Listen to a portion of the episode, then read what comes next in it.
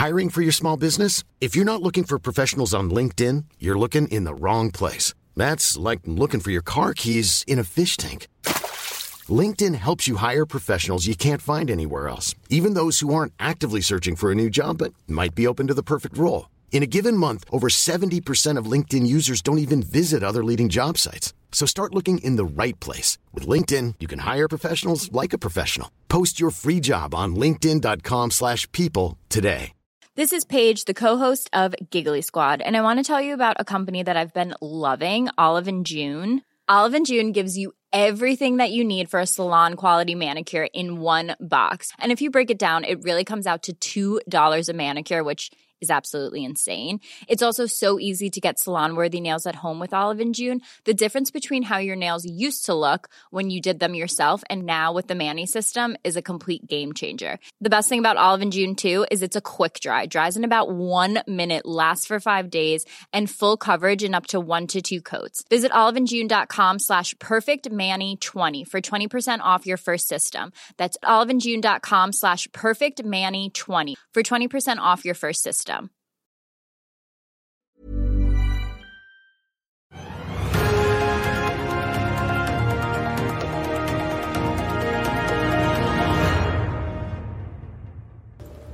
Det er eh, behov for en klart høyere rente for å dempe presset i norsk økonomi og bringe inflasjonen ned mot målet. Ja, det var budskapet fra sentralbanksjef Ida Wolden Bakke da hun og Norges Bank i dag gikk til det ekstraordinære steget, altså, å komme med nok en dobbel rentehevning for andre måned på rad. Det er blitt eh, torsdag 18. august på denne som vi vel kan kalle makroøkonomiske merkedagen.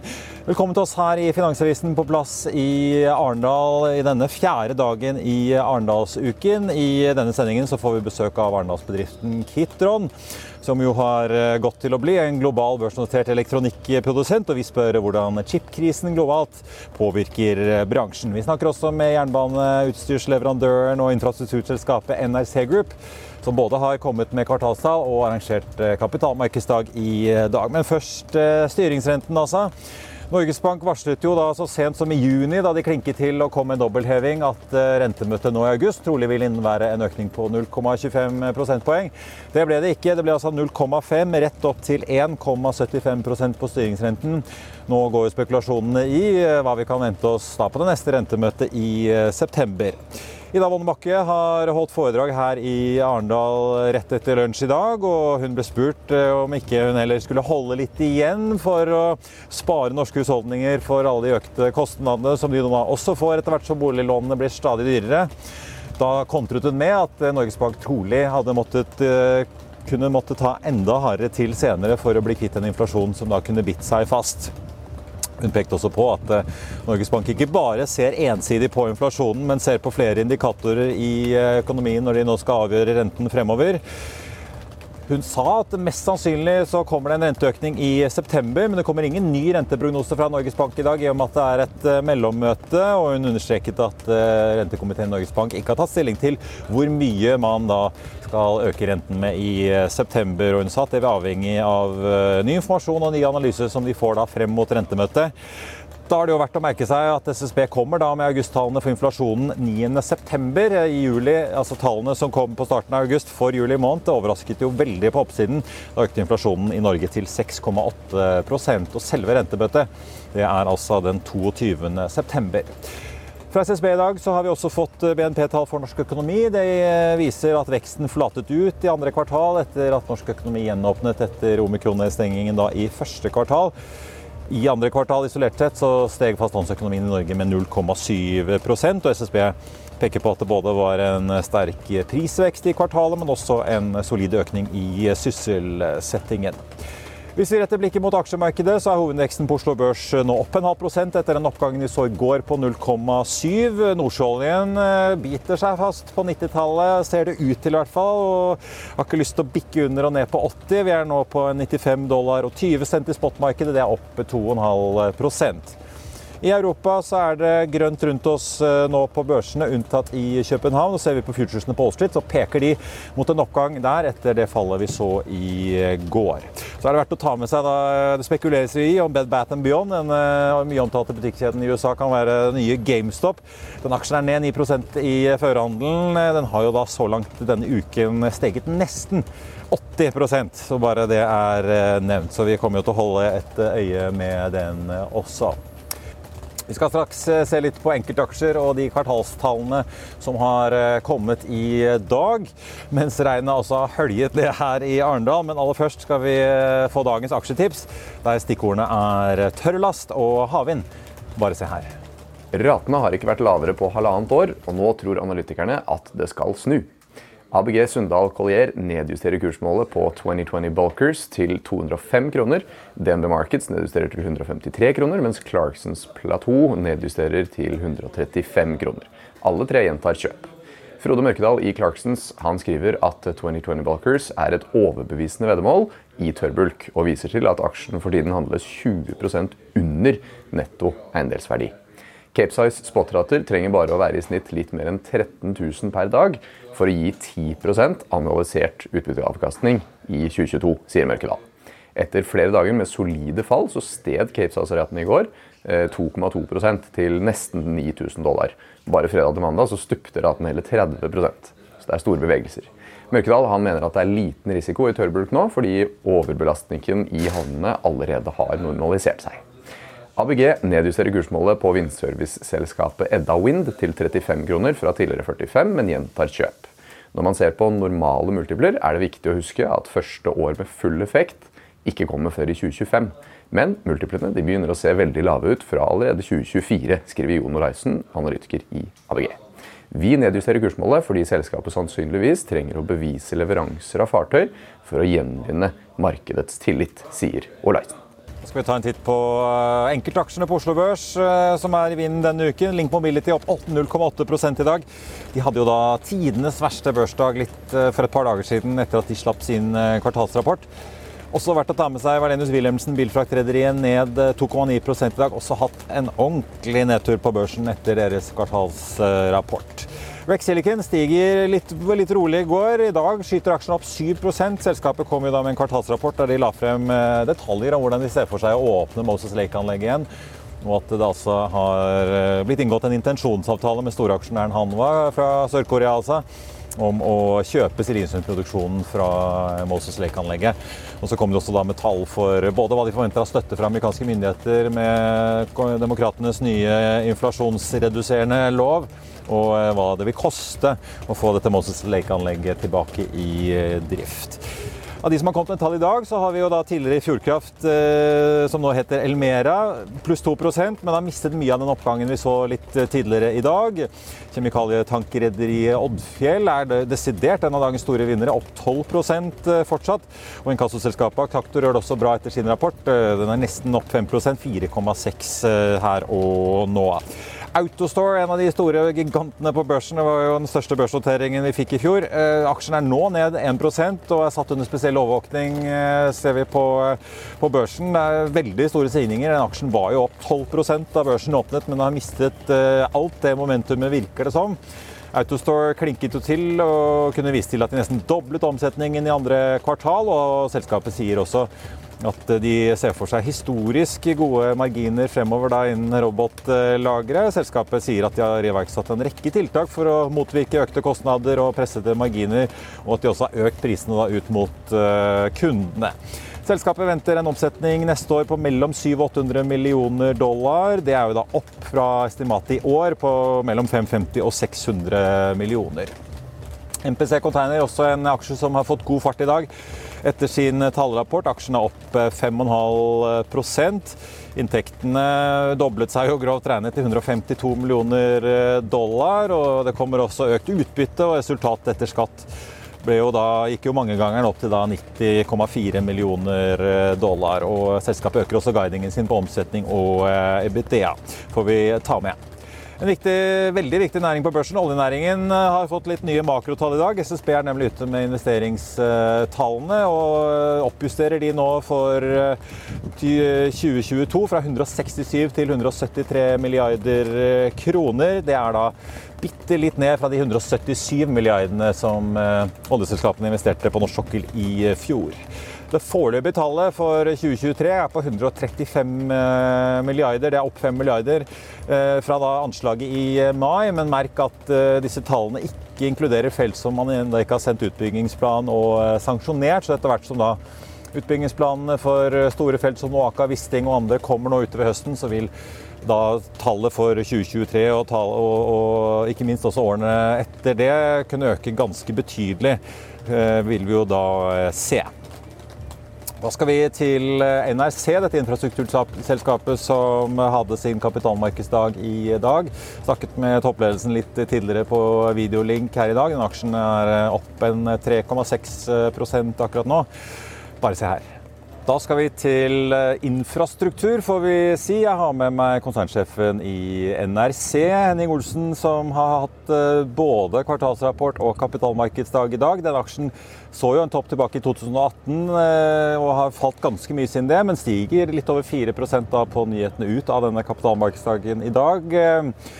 Henning, først tenkte jeg kanskje vi bare skulle begynne med en liksom kort introduksjon til hvem NRC er. Dere skryter jo, eh, får vi si på, på godt ESG-språk, at dere driver med bærekraftig infrastruktur. Men mange tenker jo kanskje på jernbane når de hører NRC?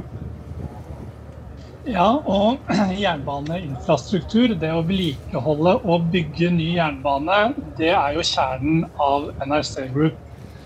Og, og, gjennom eh, vår historie så har vi bygget opp en ledende nordisk posisjon i forhold til å bygge bærekraftig infrastruktur gjennom fokuset vårt på jernbane.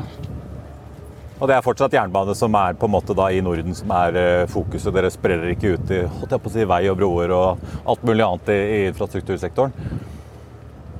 Det, det, som er unikt med NRC, og det vi mener er vår eh, største konkurransekraft, det er at i tillegg til å gjøre, gjøre det jernbanetekniske arbeidet, så har vi også kapasitet og kompetanse til å gjøre eh, det tilknyttede anleggsarbeidet. Fordi et jernbaneprosjekt det består også av massetransport, av riding, av bygging av betongkonstruksjoner. Og der har vi bygget opp kompetanse.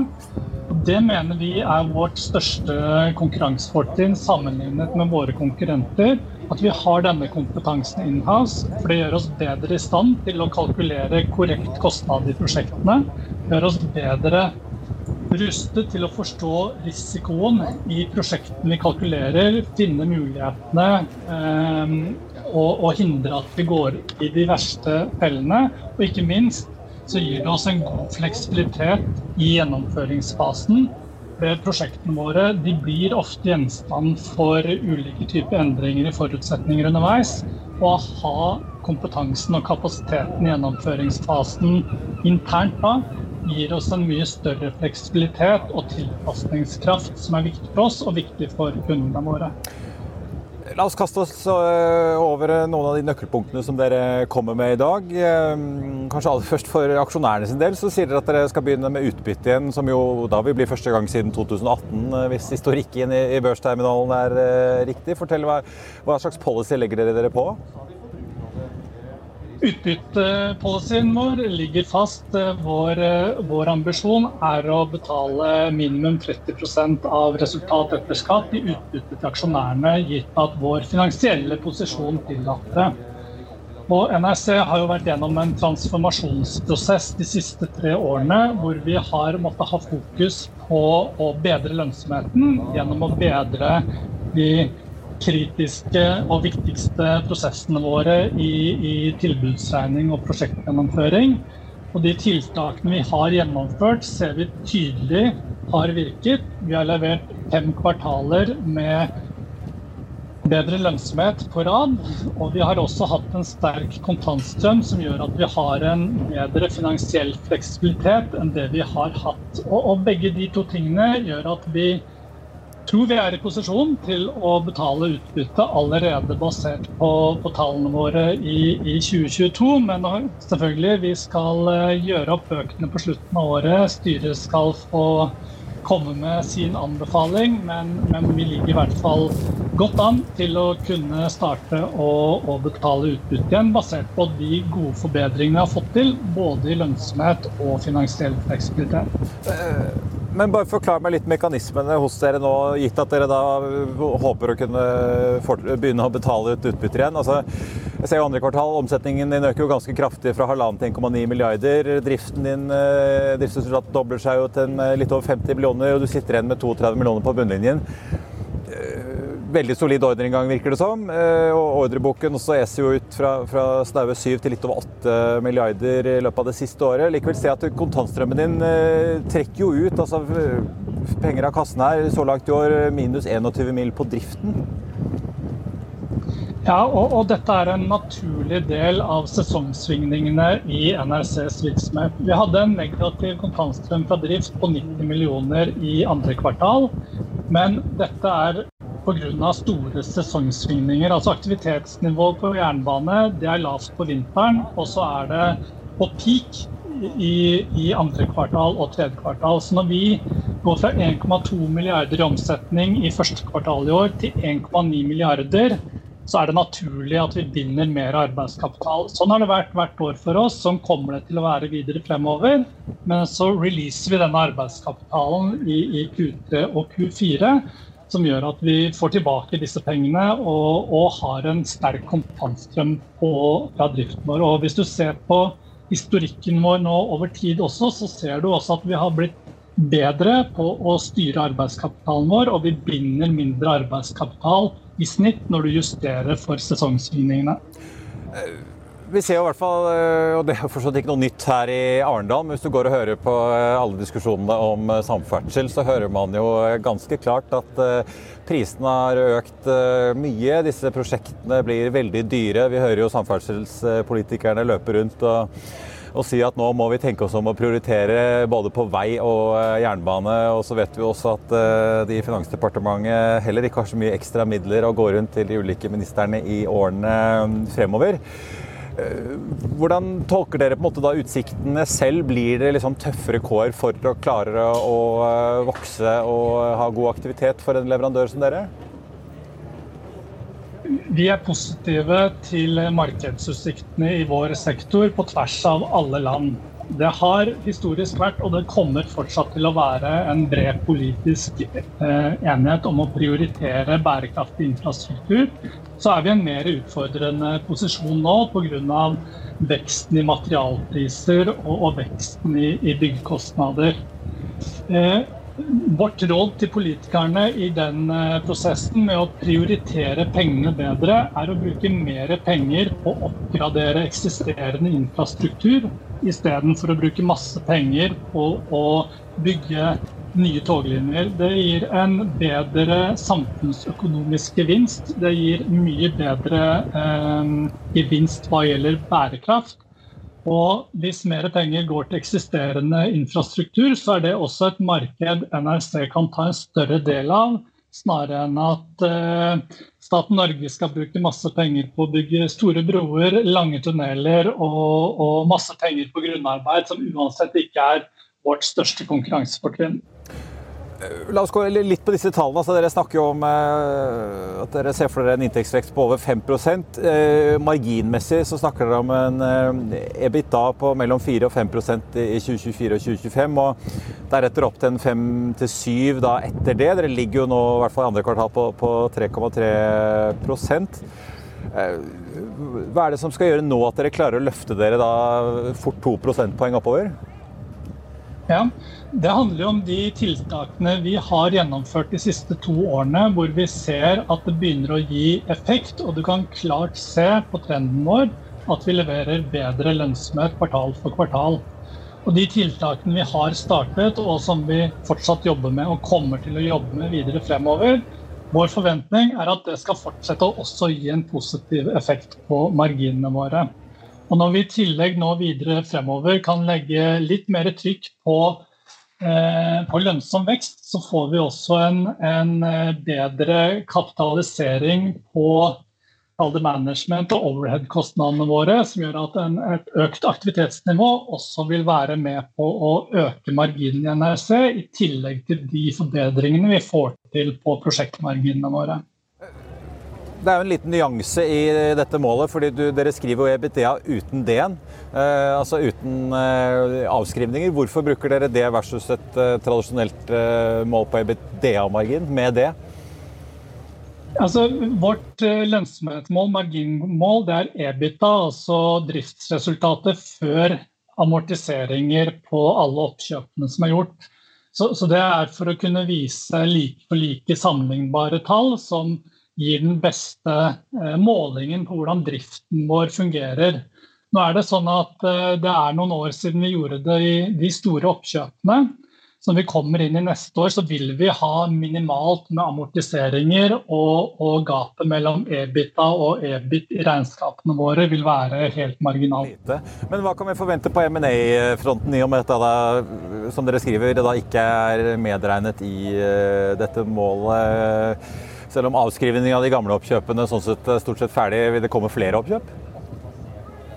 Målet vårt er jo å gjøre noen eh, selektive oppkjøp som kan være med på å styrke konkurransekraften til NRC Group. Enten styrke verdikjeden vår eller øke, eh, forbedre regionale konkurranseposisjoner.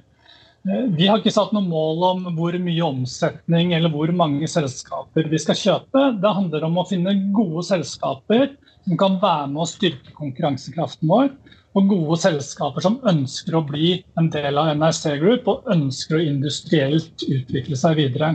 Det er viktigere enn kvantitative mål. Henning, eh, til slutt. Eh, statsminister Jonas Gahr Støre satte seg jo ned med VG her i Arendal i morges og eh, kunne klart fortelle oss at han skal legge seg godt under handlingsregelen og stramme inn oljepengebruken når statsbudsjettet kommer i oktober. Hvor spent er du, og hvor viktig blir da dette samferdselsbudsjettet som kommer om et par måneders tid for NRC?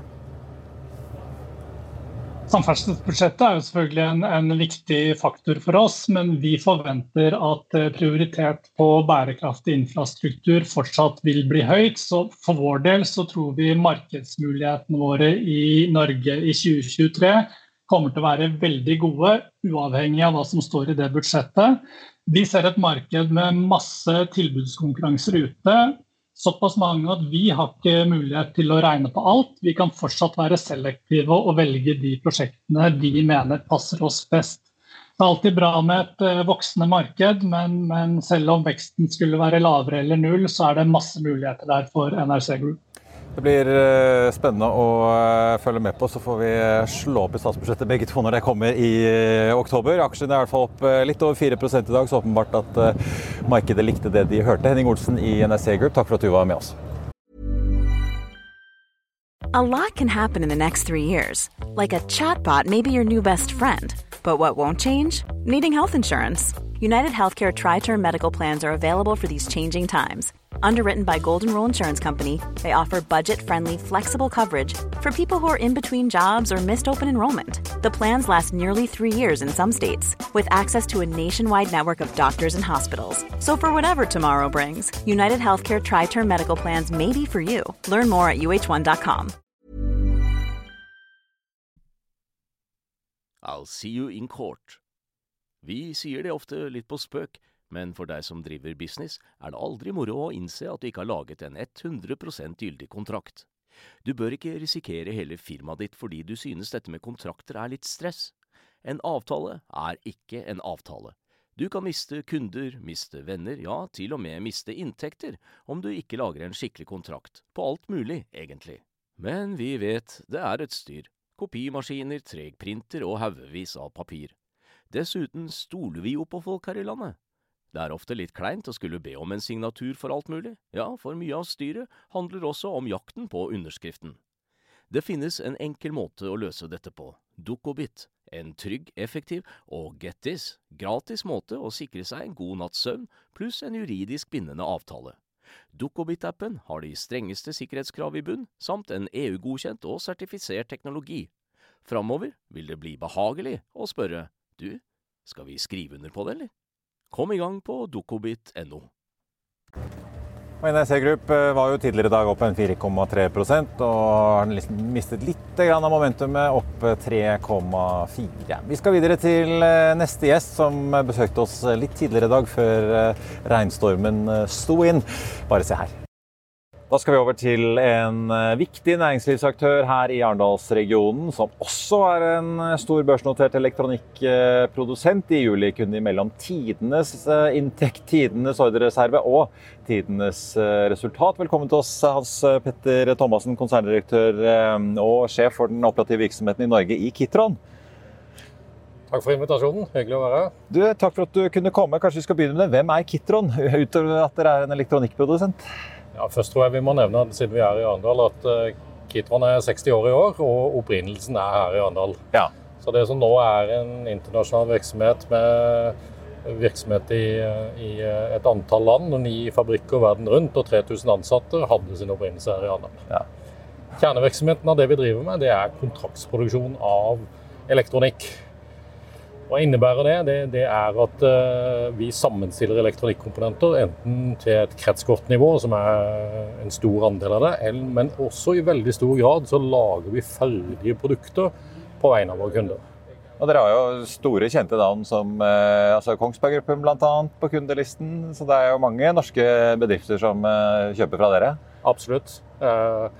I det norske markedet så er, er det produkter i forsvarssektoren som er dominerende. Vi har Kongsberg Gruppen er stor, Thales er stor. og, og Der har vi liksom to effekter. Vi har det vi gjør i Norge for dem, men vi er også med de ut i verden og server de der de har behov. Ja, for Dere har jo i dag eh, produksjonsanlegg i USA, Baltikum, Polen, også i Asia? Ja, stemmer det. Ja. Så eh, veldig mye av de aktivitetene som nå foregår i Øst-Europa og i Kina, har på et eller annet punkt i tid vært i Norge. Og så har de gjennom eh, ja, På 2000-tallet så var det et beinhardt kostpress, og da var det en æra av transfervirksomhet ut til eh, lavkostregioner. Og så har vi da gjennom de prosessene på en måte funnet hva er det som er hensiktsmessig å drive med i Norge, og som vi kan drive med, med lønnsomhet. Og det er mye forsvarsindustrirelaterte ja, forsvar eh, er per i dag omtrent 50% av det vi driver med i Norge. Ja.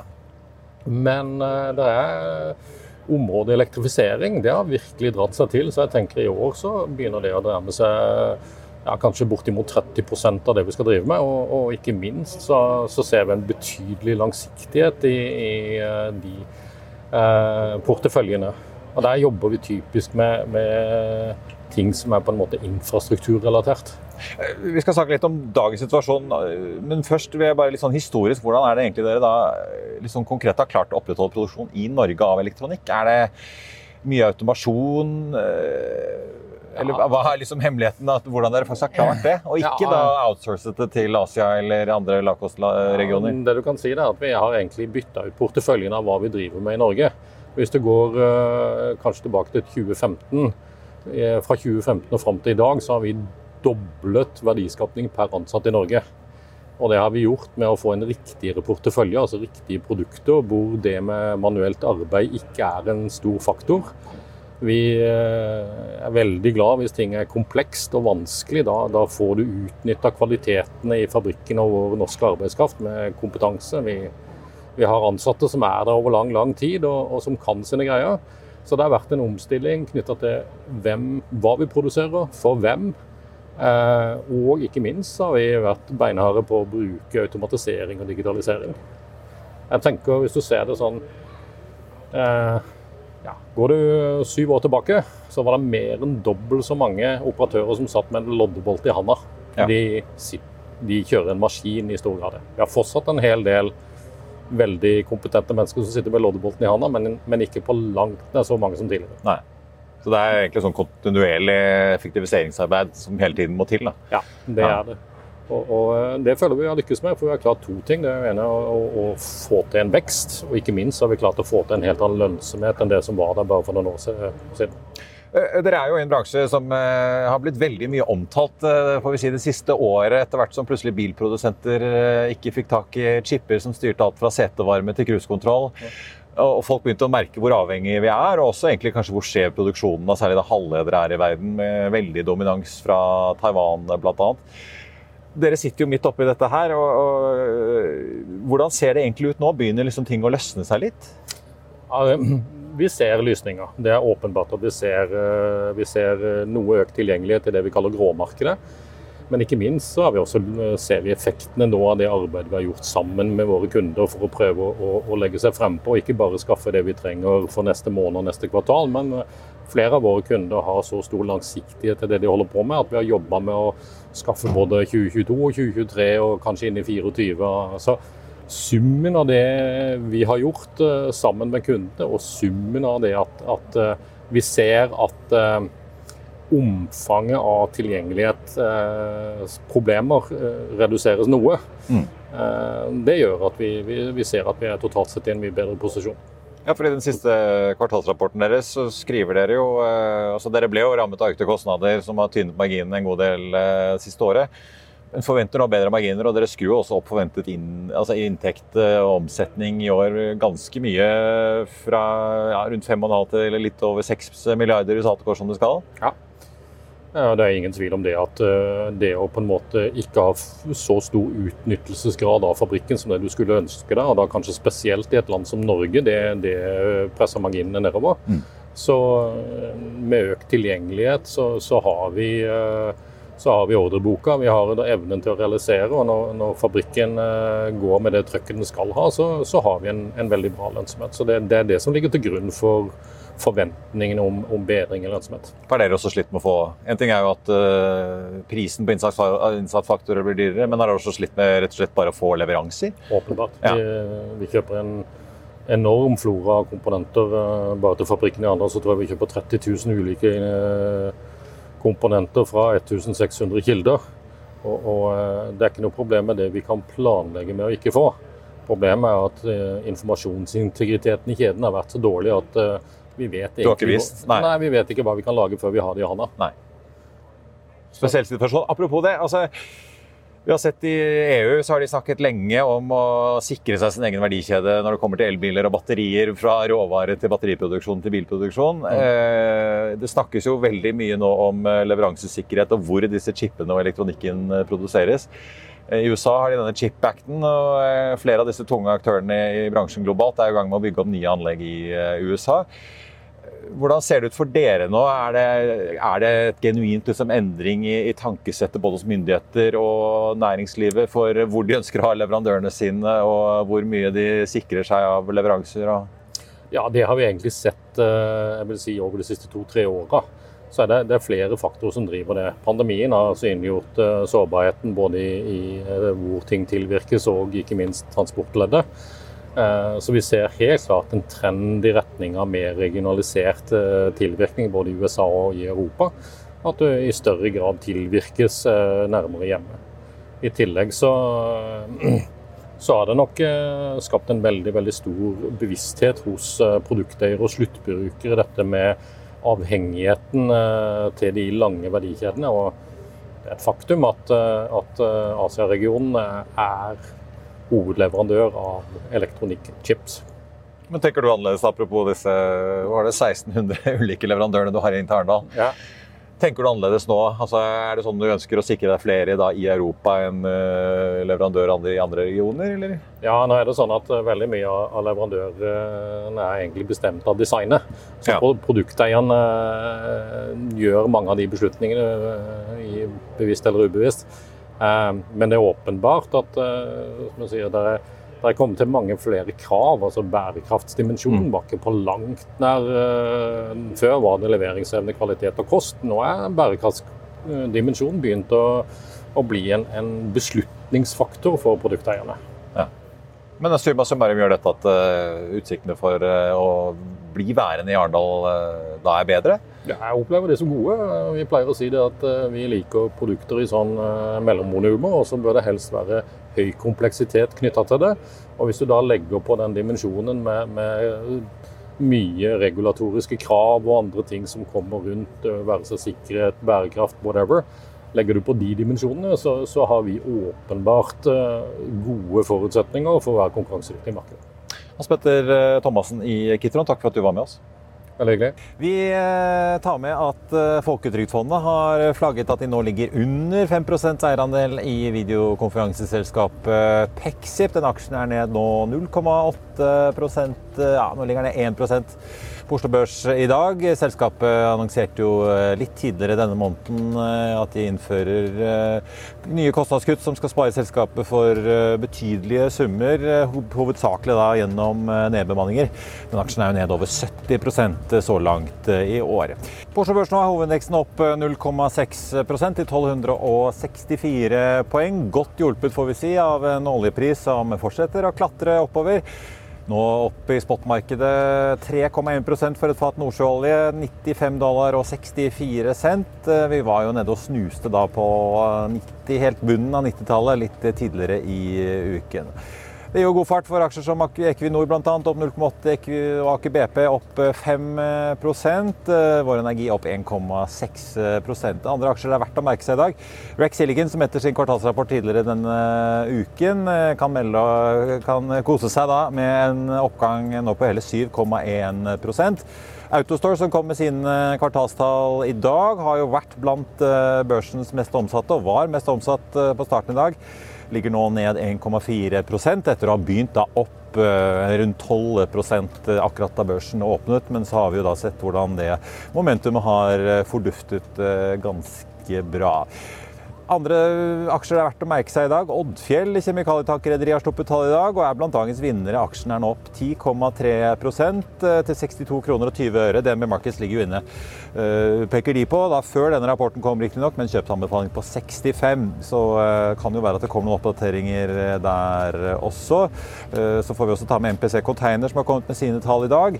Den aksjen er fortsatt opp 5,5 da på, får vi si. En veldig solid økning i både inntjening og og uh, omsetning uh, også. Linus Wilhelmsen, uh, når vi først er inne på shipping, som har vært en av de store taperne denne uken.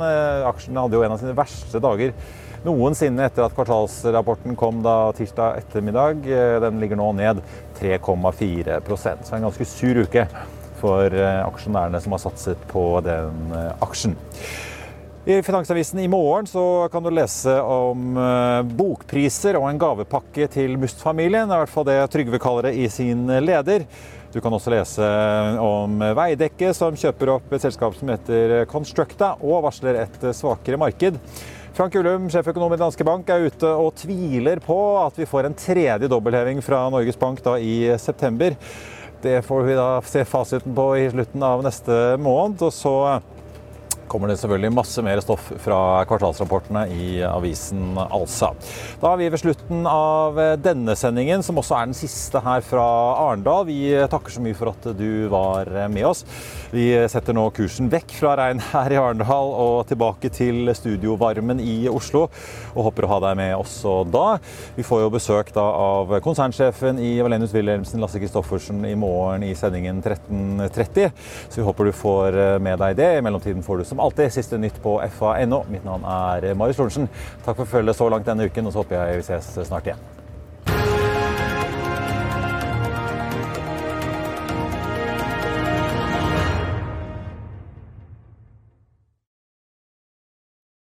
Økonominyhetene er en podkast fra Finansavisen. Programledere er Marius Lorentzen, Stein Ove Haugen og Benedikte Storm Bamvik. Produsenter er Lars Brenden Skram og Bashar Johar. Og ansvarlig redaktør er Trygve Hegnar.